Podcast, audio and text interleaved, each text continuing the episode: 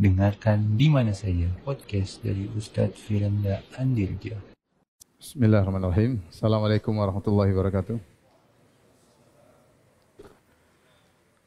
Alhamdulillahi ala ihsanih wa syukru lahu ala taufiqihi wa amtinani wa asyhadu an la ilaha illallah wahdahu la syarika lahu ta'zima li sya'nih wa asyhadu anna muhammadan abduhu wa rasuluhu da'ila ridwanih Allahumma salli alaihi wa ala alihi wa ashabihi wa ikhwani hadirin dan hadirat yang dirahmati oleh Allah Subhanahu wa taala.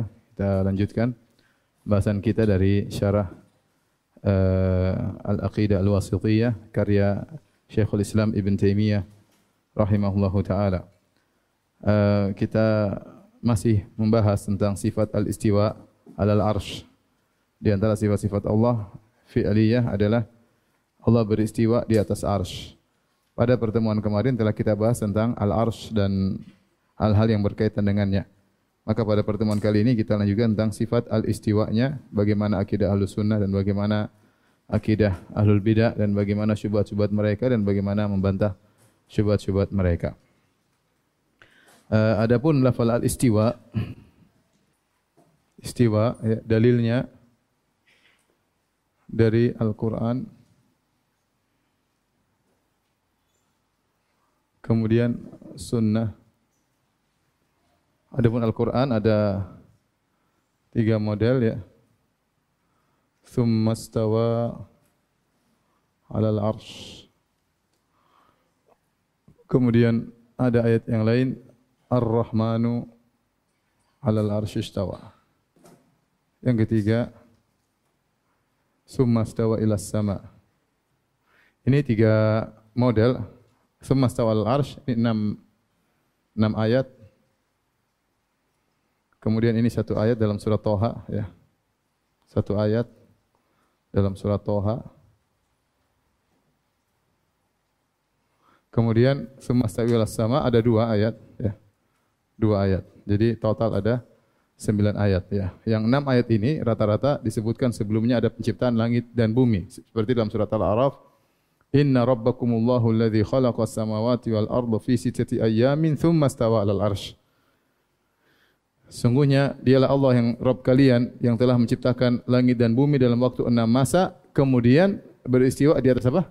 Arsy. Ya, jadi uh, sebelumnya sebelumnya disebutkan tentang ciptaan langit dan bumi dan bumi lalu Allah beristiwa beristiwa di atas ars. Adapun sunnah Nabi SAW di antaranya eh, sabda Nabi SAW Qala sallallahu alaihi wasallam Lama khalaqallahu al-khalqa kataba fi kitabihi fi kitabihi fahuwa indahu faqal arsh. Fahuwa indahu faqal arsh. Inna rahmati taglibu ghadabi inna rahmati taglibu ghadabi. Artinya tatkala artinya tatkala Allah menciptakan makhluk tatkala Allah mencipta makhluk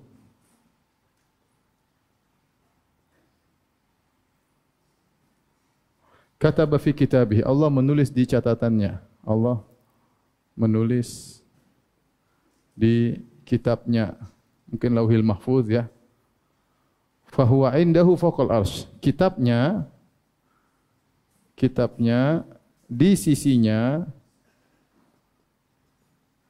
di atas ars di atas ars. Apa isi kitab tersebut? Sesungguhnya sesungguhnya rahmatku mendominasi marahku.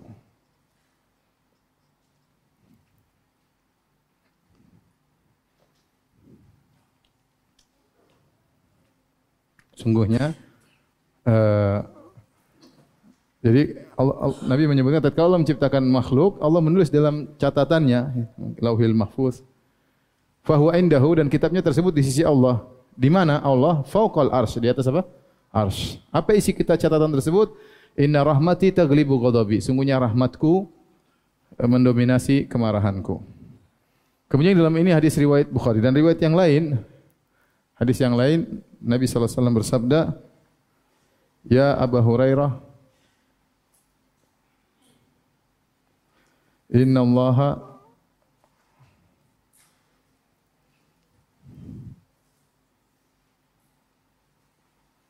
Inna Allah khalaqa as-samawati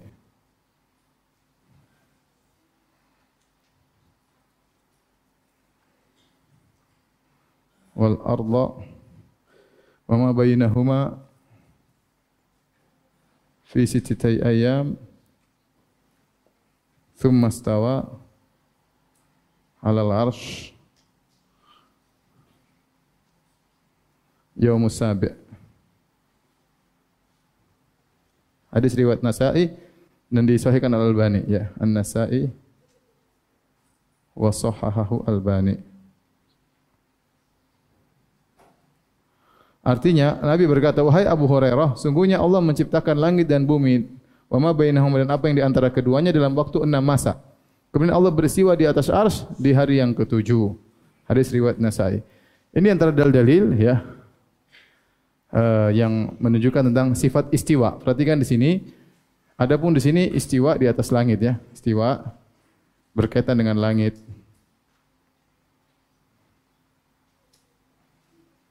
Kalau ini istiwa ala ya. Perhatikan sini sini ada ala ya. Ala di sini juga ala, di sini ila ya. Ada bedanya. Tapi ini yang pertama. Kalau sudah tolong dihapus sebentar. Ada satu lagi ijma dalil ini sebagai penguat ya ijma salaf konsensus kesepakatan para salaf tentang sifat ini tentang menetapkan sifat ini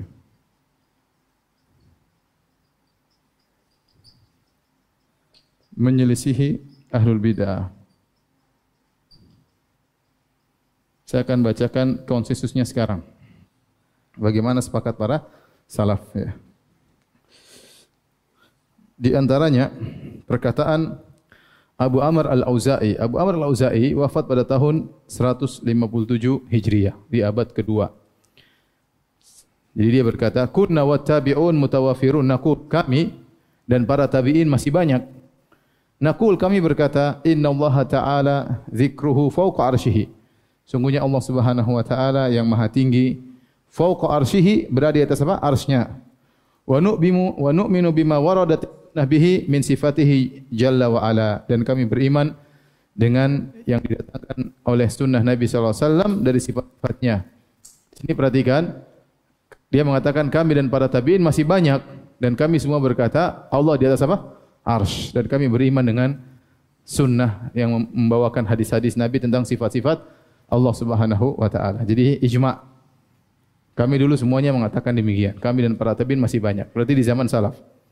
Kemudian juga perkataan Qutaibah bin Sa'id, dia wafat tahun 204 Hijriah. Qutaibah bin Sa'id wafat tahun 204 Hijriah, beliau berkata, "Hadza qaulul a'immati fil Islam was sunnati wal jamaah." Ini adalah akidahnya para imam dalam Islam dan akidahnya Ahlussunnah wal Jamaah. Na'rifu rabbana fis sama'i sabi'ah. Kami mengetahui Rabb kami di langit yang ketujuh.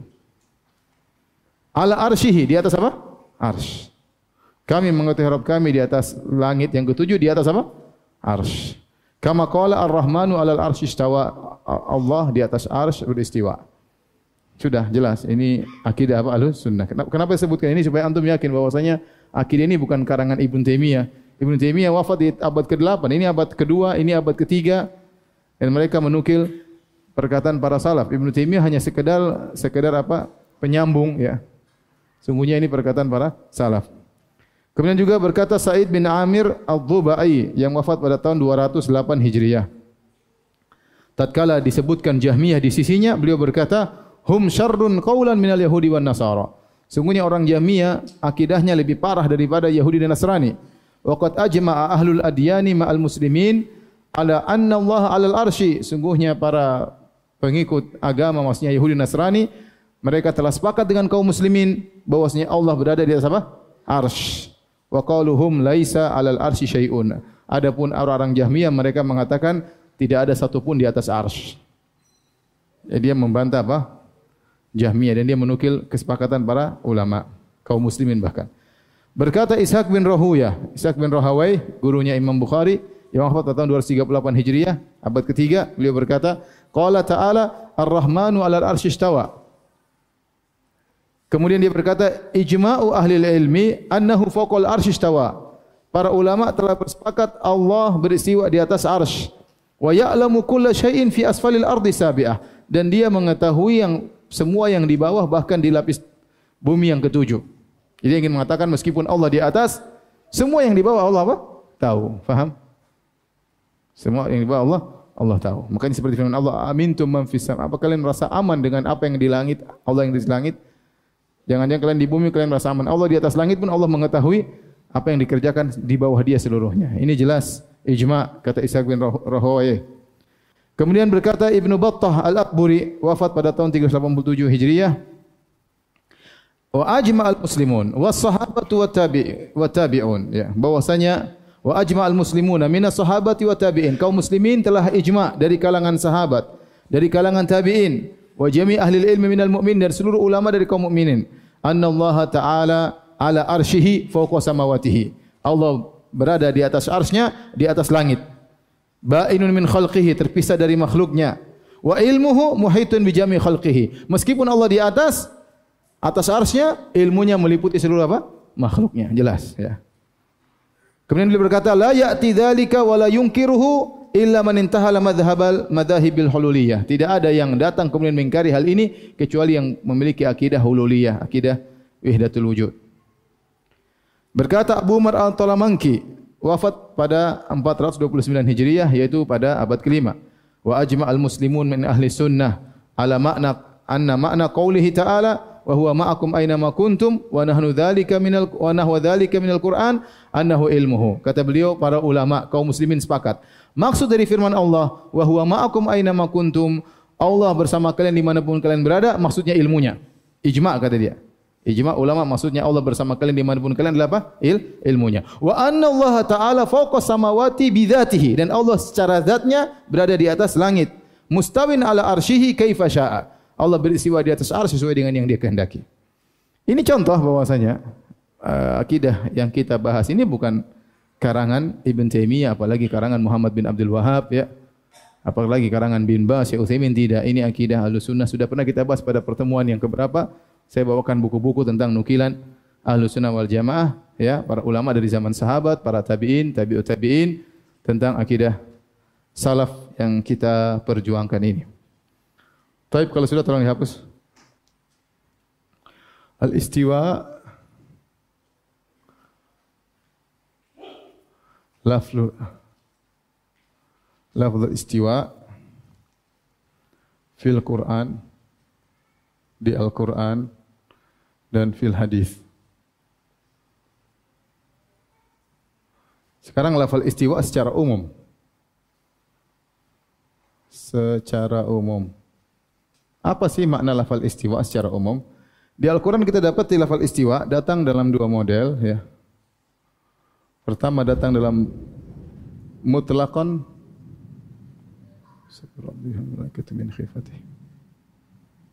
Secara mutlak Yang kedua datang muqayyadan yaitu terikat dengan huruf setelahnya. Uh, adapun secara mutlak yaitu tidak terikat dengan huruf apapun maka maknanya adalah sempurna. Maknanya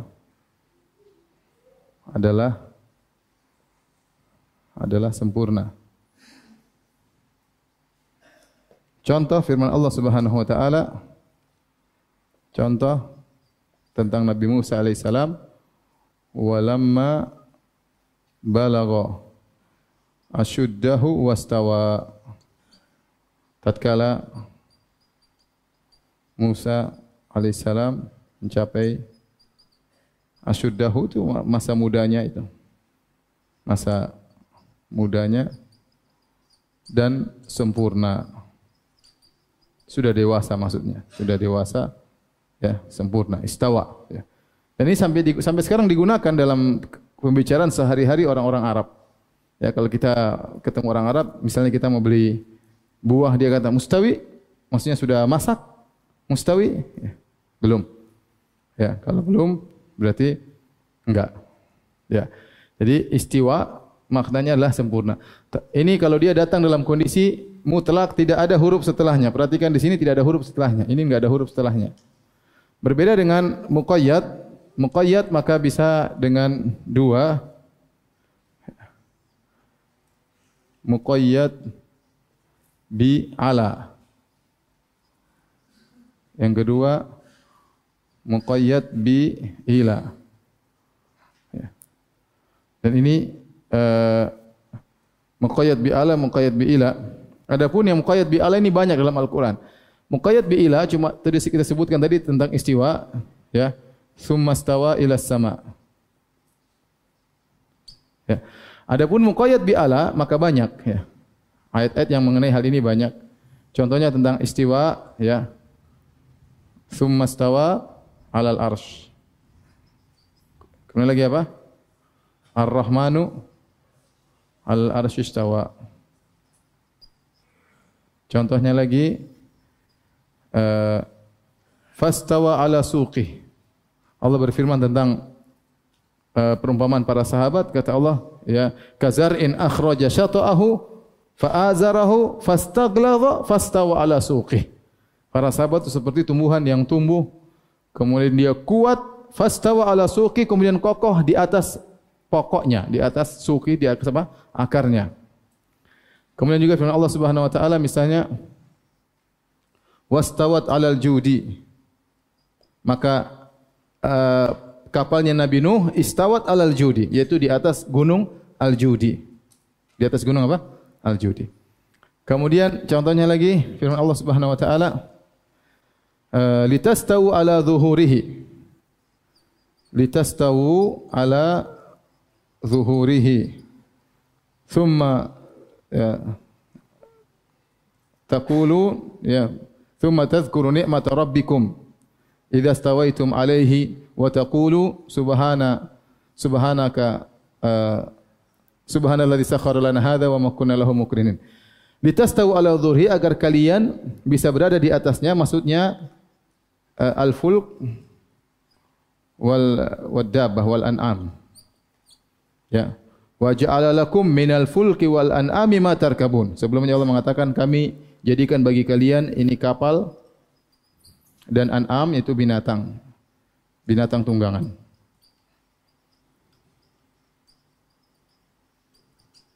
Contoh lagi dalam Al-Quran, Allah berfirman tentang Nabi Nuh. Kata Allah Subhanahu Wa Taala, "Fa'idha stawaita anta,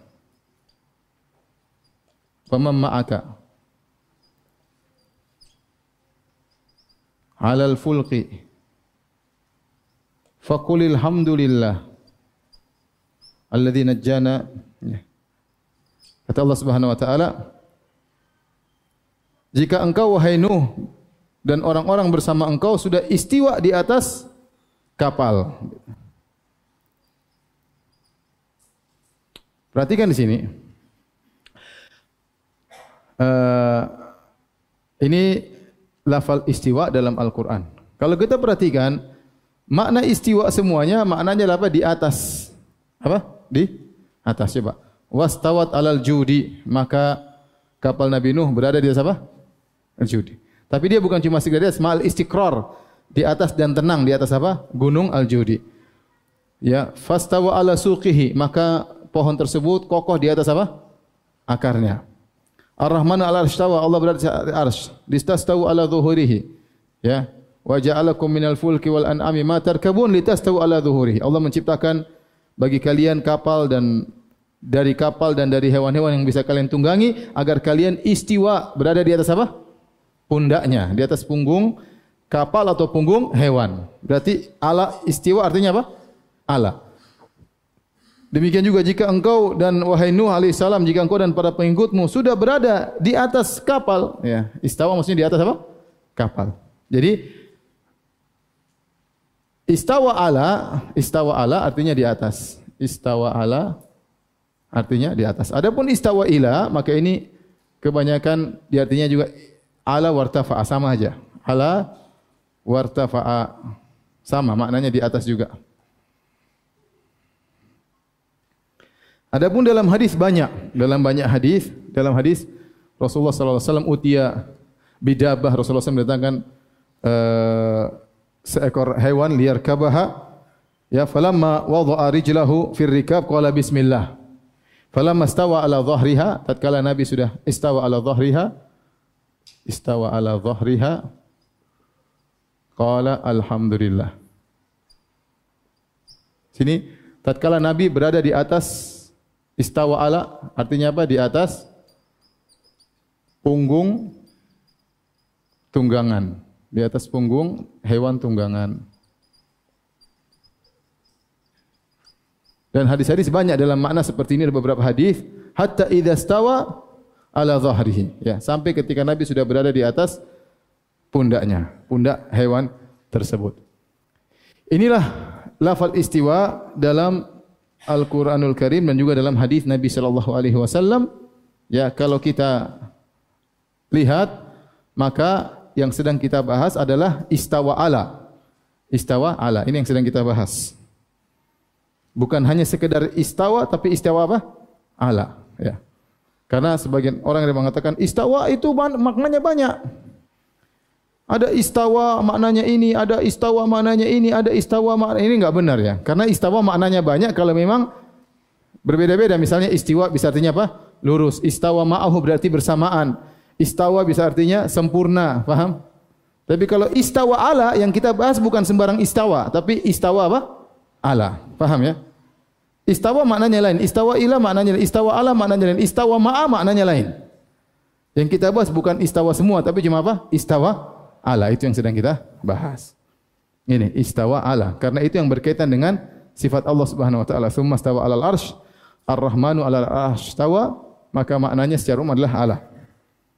Taib. Kita bahas sekarang ma'anil istiwa.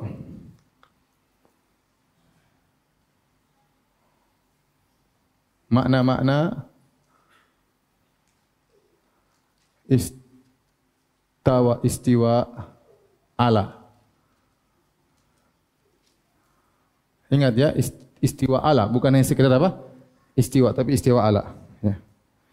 Ada beberapa pendapat dari kalangan salaf tentang makna istiwa. Ada sebagian salaf menafsirkan istawa ala, ini istawa ala artinya adalah ala. Ada yang artinya irtafa'a.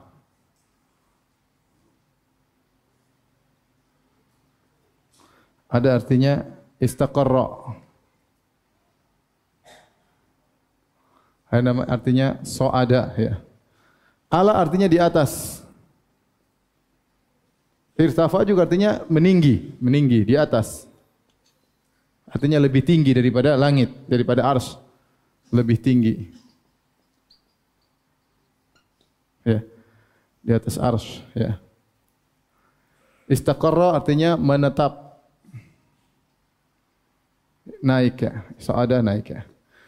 Uh, adapun makna irtafa'a maka ini adalah pendapat jumhur ulama aktsarul mufassirin.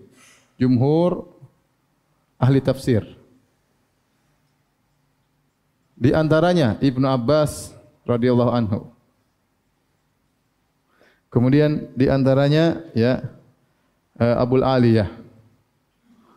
Abul Aliyah ini ya di zaman Nabi sallallahu alaihi wasallam tapi dia masuk Islam di zaman Abu Bakar, tapi dia bertemu dengan zaman Nabi masuk Islam di zaman Abu Bakar. Kemudian Hasan Al-Basri.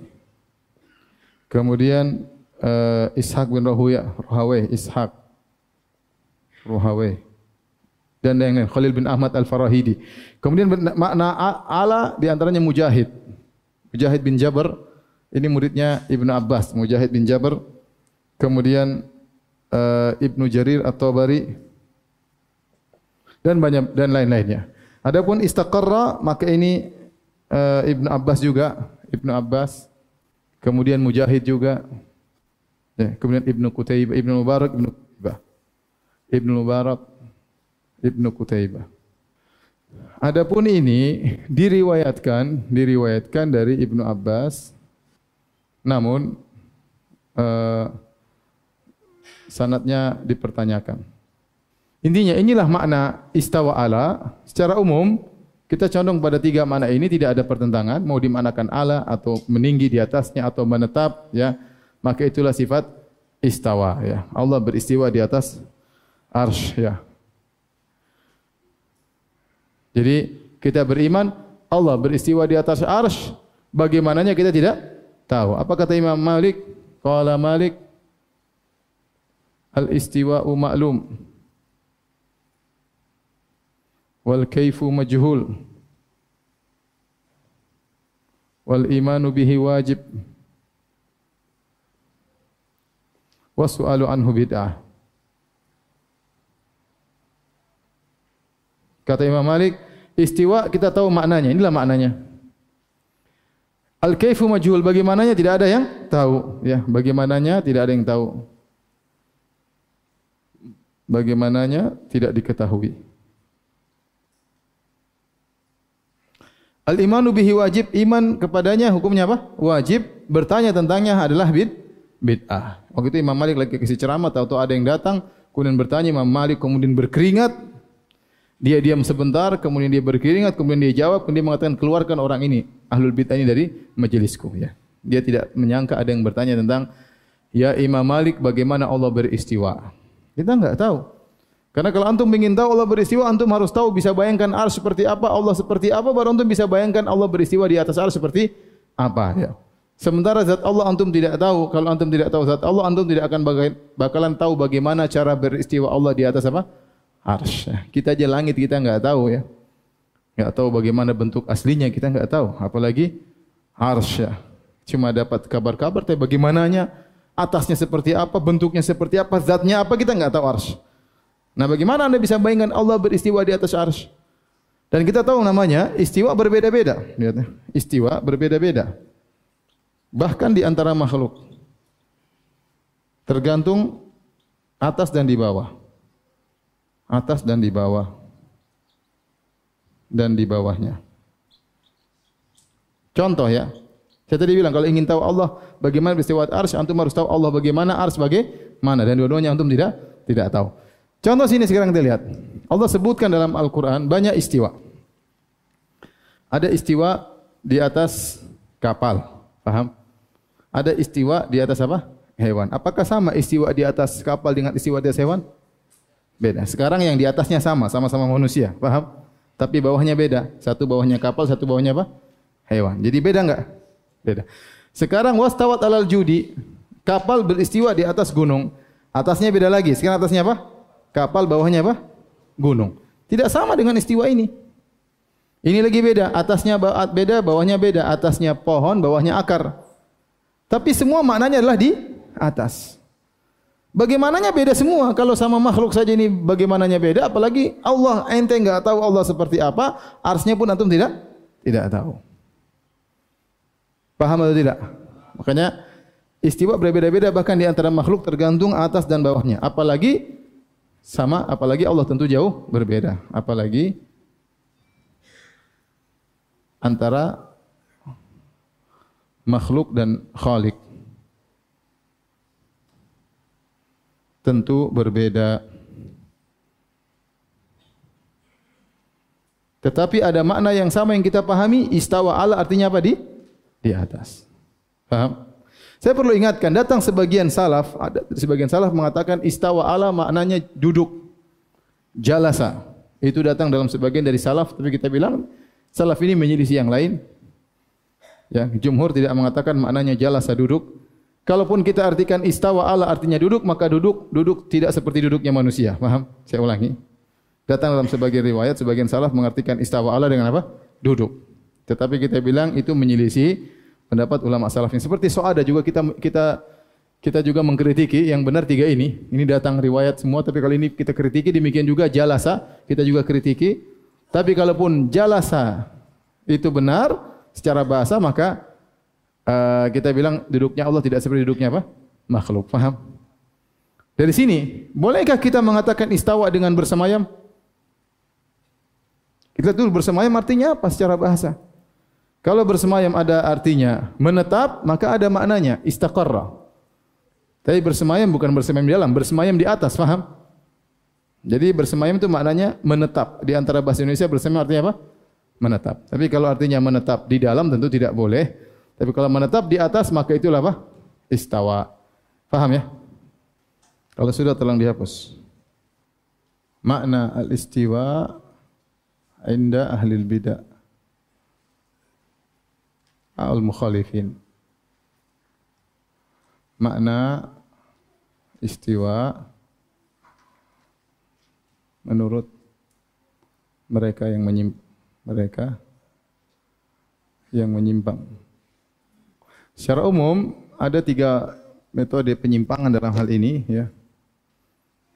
Yang pertama dengan tasbih ini ada pendapat menyerupakan adalah pendapat Al-Hishamiyah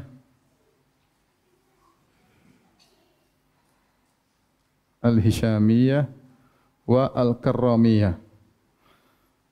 Pengikut Muhammad bin Karam. Kemudian yang kedua adalah tafwid. Menyerahkan maknanya kepada Allah. Ingat ya kalau ahlu sunnah bukan tafwid. Bukan tafwidul makna tapi tafwidu al-kaifiyah. Ahlu sunnah paham maknanya. Yang tidak tahu apanya? Bagaimananya. Adapun mufawwidah mereka mengatakan maknanya pun kami tidak tahu. Ini pendapat Al-Baihaqi dalam kitabnya Al-I'tiqad dan salah satu pendapat Ar-Razi. Ar-Razi, Fakhrul Razi. Kemudian yang ketiga adalah takwil. Mentakwil. takwil. itu menafsirkan makna istiwa dengan tafsiran yang salah. Keliru. Adapun tafsiran mereka, maka ada empat. Ya. Yang pertama ditafsirkan dengan al-istila itu istaula. Istaula itu fiilnya, istilah masdarnya ya. Istaula. Artinya apa? Menguasai. Ini kebanyakan mereka, ini jumhur, ini uh, Mu'tazilah, Al-Jahmiyah, Al-Mu'tazilah, Al-Qadhi Abdul Jabbar dalam kitabnya. Ya. Kemudian Mutaakhirul Asyairah. Seperti Al-Amidi, Kal-Amidi, Ka Al-Amidi, Al-Juwaini, Al-Ghazali. Ini semua mengatakan istawa artinya istaula. Kemudian antaranya uh, al-qasdu ilal khalq. Istawa artinya istawa ala artinya berkehendak untuk menciptakan. Menciptakan ars. Kemudian yang ketiga maknanya adalah ulul makanah. Adapun ini adalah pendapat uh, Abu Muzaffar Al-Isfisraini, Abu Muzaffar. Kemudian yang berikutnya ulul makanah dan ini adalah pendapat uh, Abu Ja'far As-Samnani, kemudian Ibnu Fawraq dari Asy'ariyah, kemudian Abu Mansur Al-Maturidi dari Maturidiyah. Yang terakhir, ulul makana itu maksudnya kedudukan. Kemudian yang terakhir adalah fi'lun yaf'aluhu Rabb fil arsh. Yaitu Allah menciptakan sesuatu di arsh di arsh yang ciptaan tersebut namanya istiwa. Namanya istiwa. Ini adalah pendapat Abu Hasan al-Ash'ari. Ke, kemudian Ibnu Kullab. Kemudian Al-Baqillani, Al-Baqillani, Al-Qalanisi. Al-Qalanisi. Taib ini hadirin dan hadirat Allah Subhanahu wa taala uh, pendapat orang-orang menyimpang tentang istiwa. Adapun tafwid kata mereka kita enggak tahu maknanya. Allah istiwa, istiwa enggak ngerti maknanya dan ini tentu tidak benar. Adapun Hisyamiyah dan Karamiyah, mereka berpendapat mereka berpendapat Allah di atas arsy Hanya saja mereka membagaimanakan, mereka membagaimanakan, mereka membagaimanakan. Contoh perkataan mereka, mereka mengatakan bahwasanya ars penuh ditempelin oleh Allah misalnya. Mereka membagaimanakan. Tapi bilang mereka bilang Allah di atas ars, tapi bagaimananya mereka membagaimanakan. Ini tidak boleh tasbih. Kata mereka, Allah hanya memenuhi sebagian arsh. Karena Allah lebih besar daripada arsh. Ya, pokoknya begitulah. Jadi mereka mengatakan ini kita enggak boleh seperti ini. Karena kita enggak tahu ilmunya. Hal yang gaib. Ya. Tapi dari satu sisi mereka benar, mereka Allah di atas. Dari sisi lain mereka salah. Paham? Jadi dari satu sisi mereka benar. Sisi yang mana? Bahwasanya Allah di atas. Dari sisi lain salah karena membagaimanakan, menyerupakan, menyerupakan, yaitu Allah. Taib. Adapun uh, yang istilah ini pun bisa terbagi dua. Ya. Mereka juga terbagi dua kelompok, terbagi dua kelompok. Pertama, ya, yang mengatakan ars adalah hakikat. Sebagaimana pendapat ahlu sunnah. Kemudian yang kedua mengatakan arsh sama dengan al-mulk, kekuasaan. Arsh hanya hanya majas. Ini pendapat Al-Baghdadi. Abdul Qahir Al-Baghdadi. Adapun ini yang yang lainnya. Ini secara global tentang uh, pendapat alul bidah tentang istiwa. Tapi kita akan bantah mereka ya satu persatu. Sekarang apa dalil mereka? Dalil mereka. Kata mereka secara bahasa telah datang suatu syair Akhtal, qala al-Akhtal. Akhtal ini adalah seorang penyair Arab Nasrani Ya, tapi dia hidup di abad kedua kalau tidak salah. Dia pernah berkata dalam syairnya, Qad istawa Bishrin Bishrun alal Iraqi min ghairi sayfin wala damin mihraq. Kata dia dalam bahasa istawa ala Bishr bin Marwan ya, saudaranya Abdul Malik bin Marwan Bishir istawa alal Irak. Bishir telah menguasai Irak. Min ghairi sayfin tanpa peperangan dan tanpa ada darah yang ditumpahkan. Seakan-akan mereka tunduk sehingga dia menguasai Irak. Nah, kata mereka, lihatlah penyair ini berkata istawa ala ala maknanya menguasai. Jadi secara bahasa istawa ala bukan cuma artinya di atas, bukan cuma di atasnya menetap, tapi bisa diartikan dengan apa? Menguasai. Faham ini syairnya? Saya ulangi, mereka berdua dengan syair, Qad istawa Bishrun 'alal Iraqi min ghairi sayfin wala damin mihraqin. Sungguh Bishr telah menguasai Irak tanpa ada pedang yang harus dihunuskan dan tanpa ada darah yang harus ditumpahkan istawa ala artinya adalah menguasai. Bantahannya panjang kata para ulama, di antaranya antum catat aja ya. Catat di mana enggak ada? Bantahannya sini.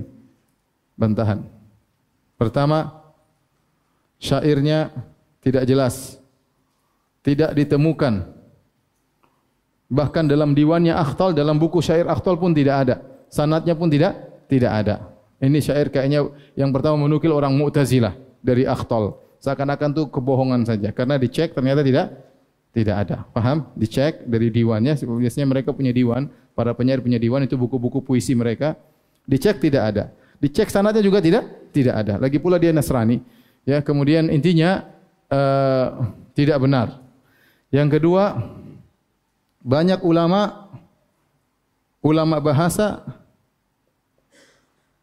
yang mengingkari makna ini, mengingkari istawa, mengingkari makna istaula.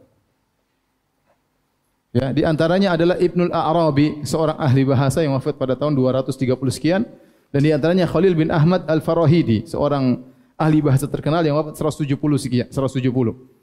Jadi satunya Ibnul Arabi wafat 230, kemudian Ibnul uh, Khalil bin Ahmad Al-Farahidi ya, yang wafat pada tahun 170. Mereka ini ahli bahasa, mereka mengatakan enggak ada istawa artinya apa? Istaula, enggak ada. Enggak ada istawa artinya apa? Istaula. Kenapa tidak ada secara bahasa? Karena karena istaula itu mengharuskan sebelumnya tidak dikuasai. Sebelumnya musuh ya. Kemudian dikalahkan atau sebelumnya tidak dikuasai kemudian apa? dikalahkan. Itu baru istawa. Misalnya saya bertempur si A bertempur dengan si B. Setelah itu istawa A ala istaula A ala B. A bertempur dengan B, akhirnya A menguasai apa? B. Sebelumnya B tidak dikuasai apa? Oleh A. Nah, kalau kita praktekkan dalam firman Allah, "Tsumma stawa 'alal 'arsy," maka tidak jadi. Allah mengatakan sungguhnya Allah telah menciptakan langit dan bumi dalam waktu enam masa, kemudian Allah menguasai arsy seakan-akan sebelumnya arsy tidak dikuasai oleh Allah. Faham? Dan ini bantahan yang paling telak. Seandainya kita mengartikan istawa dengan maknanya istaula, berarti mengharuskan ketika Allah menciptakan langit dan bumi, ars belum Allah kuasai. Faham? Ini bantahan yang paling telak. Taib, bantahan berikutnya. Azan. Azan dulu. Ini dalil mereka yang pertama ya. Taib bantahannya ya. Pertama ini tidak jelas. Yang kedua banyak ulama bahasa yang mengingkari Ibnu Al-Arabi dan Khalil bin Ahmad Al-Farahidi. Kemudian yang ketiga istaula mengharuskan sebelumnya tidak dikuasai dan ini tidak mungkin bagi Allah karena Allah menguasai apa? Uh, semuanya. Kemudian bantahan yang keempat ya dalam Al-Qur'an dan sunnah biasanya istawa ala maknanya di atas atas bukan menguasai ya bukan menguasai Karenanya kita ikut kebiasaan Quran. Karenanya kita ikut kebiasaan Quran. Al-Quran. Maksud saya, istawa ala kebanyakan dalam Al-Quran selain berbicara tentang ayat sifat, semuanya maknanya di atas. Tadi, wastawat alal judi, apa namanya? Perahunya Nabi Nuh di atas apa? Di atas mohon. Kemudian agar listah tahu ala zuhurihi, agar kau berada di atas apa? Uh, pundak hewan, pundak onta. Kemudian fa idza stawaita anta 'alal fulki tatkala engkau wa ma'aka 'alal fulki kalau berada di atas apa? kapal. Jadi semua maknanya apa? Di atas. Kemudian fastawa 'ala suqihi dan batangnya berada di atas apa? akarnya. Semuanya maknanya di atas. Kenapa tiba-tiba kau bilang ini menguasai? Artinya menguasai. Kita kalau tatkala memahami Al-Qur'an kita biasanya mengikuti kebiasaan apa? Al-Qur'an. Tidak ada ayat-ayat tersebut yang diartikan dengan menguasai. Coba kita artikan istawa ala artinya menguasai semuanya. Contoh wastawat alal judi jadilah kapal Nabi Nuh menguasai gunung judi. Nyambung tidak? Enggak nyambung. Eh. Jadilah batang pohon fastaw ala suqih menguasai apa? Akar pohon. Enggak nyambung. Jadilah Nabi Nuh menguasai kapal. Tidak, dia tidak kuasai maksudnya di di atas ya. Tidak. Kemudian jadilah Rasulullah sallallahu alaihi wasallam menguasai atas ondanya. Sebelum Nabi naik pun Nabi sudah menguasai apa? Ondanya. Paham? Jadi maksud saya ini ini cara bantahan yang lain bahwasanya kebiasaan Al-Qur'an istawa ala itu maknanya apa?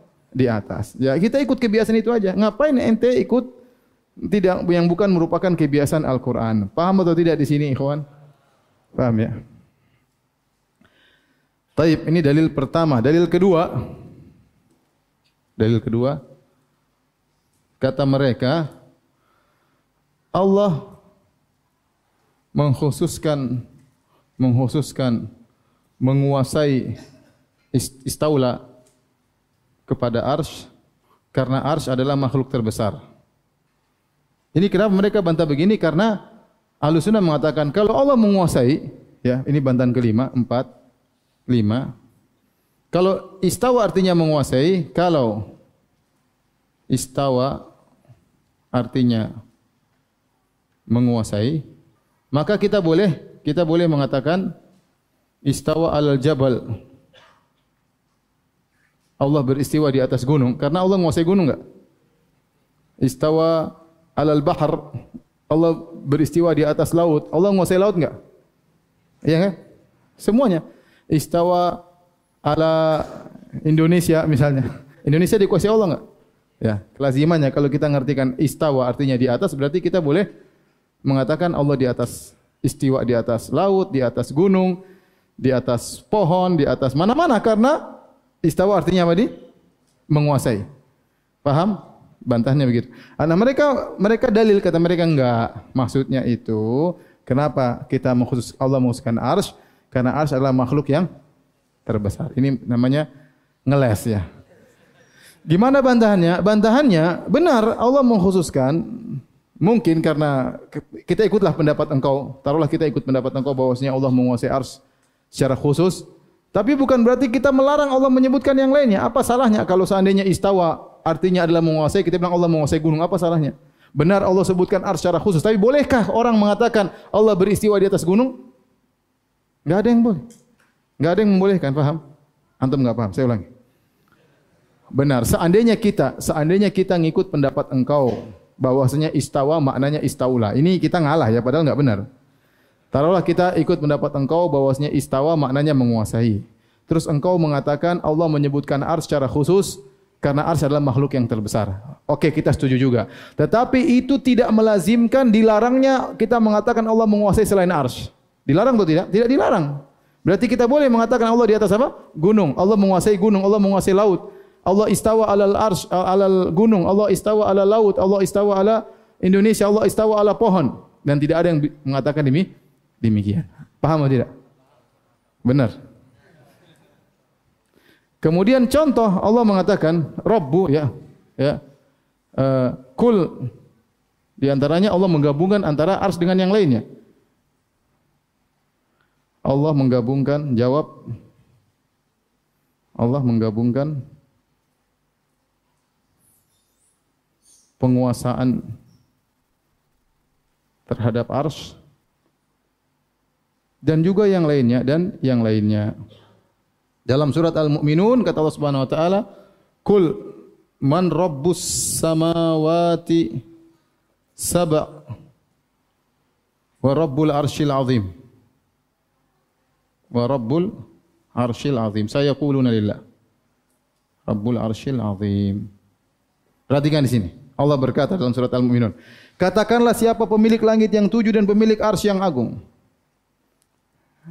Kalau kita artikan bahasa lain, katakanlah siapa yang menguasai langit yang tujuh dengan langit yang dengan arsy yang agung. Allah sebut langit, Allah sebut arsy. Berarti kalau anda bilang arsy istawa artinya istaula berarti boleh dong kita bilang katakanlah siapa yang beristiwa di atas langit dan di atas apa? Arsh dan istiwa di atas gunung di atas yang lainnya. Berarti kalau diartikan penguasaan tidak harus hanya arsh doang. Paham? Kalau diartikan istawa artinya menguasai harusnya tidak tidak hanya dikhusus kepada arsh saja karena Allah menyebutkan juga Allah menguasai apa? Langit misalnya yang dan yang lainnya. Terakhir dalil yang ketiga, yang sering kita sampaikan kata mereka kalau Allah kalau Allah di atas ars Allah lebih kecil kecil dari ars Allah membutuhkan ars Allah butuh tempat dan lain-lain Allah jisim dan lain-lainnya ini sudah sering kita bantah bahwasanya bantahannya mudah Tidak semua yang di atas berarti lebih kecil daripada yang di bawah dan tidak semua yang di atas butuh kepada yang di bawah. Saya sering sampaikan tadi langit lebih tinggi daripada bumi dan ternyata langit lebih luas daripada bumi. Faham? Langit di atas bumi dan langit tidak butuh dengan apa? Bumi. Langit tidak butuh kepada bumi. Kalau antara makhluk dengan makhluk saja tidak lazim, apalagi antara khalik dengan apa? Makhluk. Allah di atas ars bukan berarti Allah butuh kepada ars. Allah di atas ars bukan berarti Allah lebih kecil daripada ars. Ya, tapi semua itu kecil bagi Allah Subhanahu wa taala ya. Ini kira-kira yang berkaitan dengan sifat al-istiwa yang harus kita imani ya dan ini salah satu sifat fi'liyah ya. Allah lakukan yang Allah kehendaki. Di antaranya Allah beristiwa di atas arsy. Taib, uh, malam ini tidak tanya jawab ya. Insyaallah kita sambung di kesempatan yang lain ya. Kalau alam apakah pekan depan masih lanjutkan, kita lihat kondisi negara kita, kondisi Jakarta, kondisi Bintaro, memungkinkan atau tidak ya. Tapi semoga Allah menghilangkan wabah dari negeri kita ya. Demikian saja subhanakallah bihamdik asyhadu alla ilaha anta astaghfiruka wa Assalamualaikum warahmatullahi wabarakatuh. Warahmatullahi wabarakatuh. Warahmatullahi wabarakatuh. Warahmatullahi wabarakatuh. Warahmatullahi wabarakatuh.